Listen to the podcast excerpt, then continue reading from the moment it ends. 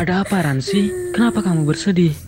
Tole hilang, Man. Aku dan Tole telah dipisahkan oleh individu-individu egois yang menentang keberagaman di tanah air ini. Negeri ini harusnya menjadi rumah bagi keanekaragaman. Namun sekarang banyak terjadi diskriminasi, ujaran kebencian, hingga penindasan. Ransi rindu Tole, Man. Aku ingin wujudkan persatuan dan kerukunan di tengah kemajemukan ini bersama Tole. Pelanggaran kebebasan beragama di Indonesia masih tinggi. bagi mereka yang tidak toleransi.